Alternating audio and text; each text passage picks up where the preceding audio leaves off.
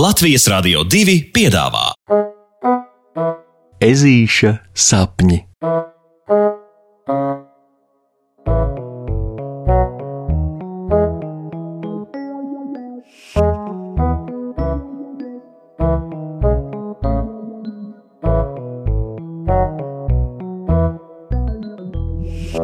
Puksītis nekad vairs negulēs. Puksītis sēž uz celma un dusmīgi pie sevis pukšķina. Lieta tāda, ka šodien viss iet greizi. Tik greizi, ka pat saulīte šķiet speciāli slēpjas aiz mākoņiem tieši tad, kad pat aciņu iet viņš, puksītis. Par pārējām ķibelēm nemaz nerunājot. Protams, nav jau arī tā, ka viņš pats šodien būtu saules stariņš. Bet tas, kā saka mamma, varētu būt bijis tāpēc, ka viņš no rīta izkāpa no gultas ar kreiso kāju. Bet, lai kā tur būtu ar kājām, tas, kas nu pat kā atgadījās, ir mazliet par traku. Lieta tāda, ka ejot mājās, puksītis pa ceļam satika lācēnu Rokiju, un nu Meleņu ielā visi zina, ka lācēns ir viens no tiem, kam, teiksim tā, patīk apbižot mazākos. Rokijs vienmēr ar visiem grib cīkstēties, neklausoties nekādos argumentos par to, ka tas nav godīgi, jo viņš, lai arī vēl mazs, tomēr ir lācis. Tāpēc no citiem zvēru bērniem, protams, ka vislielākais un dabiski visstiprākais. Un vēl Rokijam patīk izdomāt visādus nesmukus vārdus, lai speciāli sakaitinātu citus zvērēnus, un tad nu viņš tieši to arī tika darījis šodien, satiekot puksīti. Rokijs jau nevarēja zināt, ka šodien puksītim ir diena, kurā viss iet greizi, tāpēc viņš jau pacietīgi neklusēs. Vārdu sakot, šodien ežulis ņēma un Rokijam saukājās pretī. Un tā it kā ar to vēl nebūtu gana, brīdī, kad puksītim īsti nesanāca pateikt Rokijam neko gana trāpīgi nejauku, un Rokijs tikai smējās, puksītis aiz dusmām, pa pusē tīšām, pa pusē netīšām, Rokijam iedūra ar sava kažoka asāko adatu tieši ķepas mīkstumā. Tagad jūs saprotat, par cik greizu dienu ir runa. Rokijam ķepa laikam sāpēja briesmīgi stipri, jo viņš uz vietas sāka raudāt, tad paziņoja, ka viņš puksītim to pieminēs visu mūžu un vēl. Ļepatodams prom draudēja, ka visu izstāstīs savam tētim un mammai, un ka tad gan puksītim būs baigie nepatikšanas. Nepatikšanas, nepatikšanas.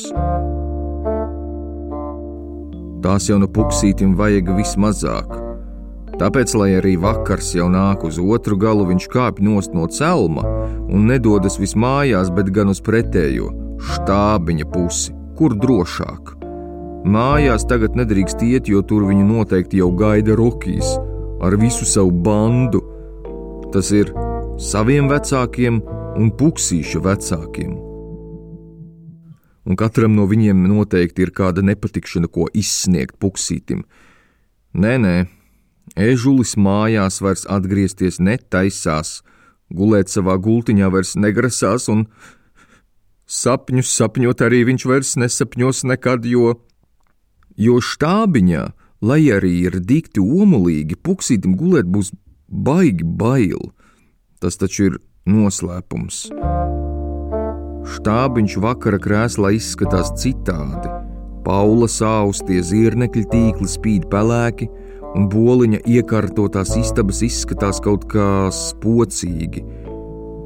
Labi, ka sūnas un ķērpji turpina būt mīksti. Tāpēc puksītis pieņemdams domu, ka nu te viņš paliks uz mūžīgiem laikiem, izraidīts no mājām un sabiedriskās dzīves, iekārtojas ērtāk un skatās – kā aiz štābiņa logiem tumsa paliek arvien biezāka un biezāka. Tā ir ar tiem nejaucaņiem, saka puksītis pie sevis, aptverdams skarbo patiesību. Ja viņš būtu pret Rokiju bijis jauks, viņš gan jau tagad gulētu pats savā gultiņā, bet pārdomās slīgt puksītim nenākas ilgi, jo, lai cik tas arī bailīgi neizklausītos, Viņš nu pat kā dzirdēja, ka tepat ap stūri kaut kas nokrakšķēja. O, nē, Puksītis saritinās kamolīti un sakož zobus, jo viņš to izturēs, viņš to izdzīvos, viņam tas izdosies. Puksīt, vai tu esi te? Pie štābiņa atskan negaidīti mīļa, labi pazīstama balss. Kuku, puksīt! Ežulis vēl mirkli vilcinās, bet tad tomēr atver acis, lai pārliecinātos. Oh, tur tiešām stāv puksīša tētis. Jums izdevies viens varani labs štābs, viņš saka un turpina ar: Tik nezinu, vai tu te īsti labi izgulēsies, ko? es neesmu pelnījis iet mājās. Puksītis saka tik klusi un kaunīgi, cik nu var. Vai tad tu nezini?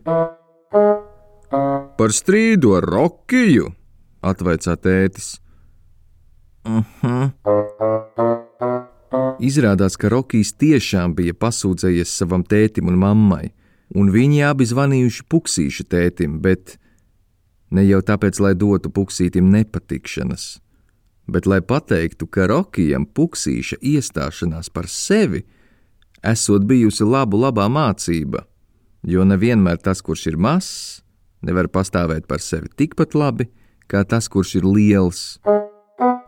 Un vispār, dienas, kas sākušās galīgi greizi, tomēr var beigties lieliski. Domā puksītis jau laizdamies miegos, kad tētis to nes mājās, cieši pieglaudis sev. Pasakas beigas.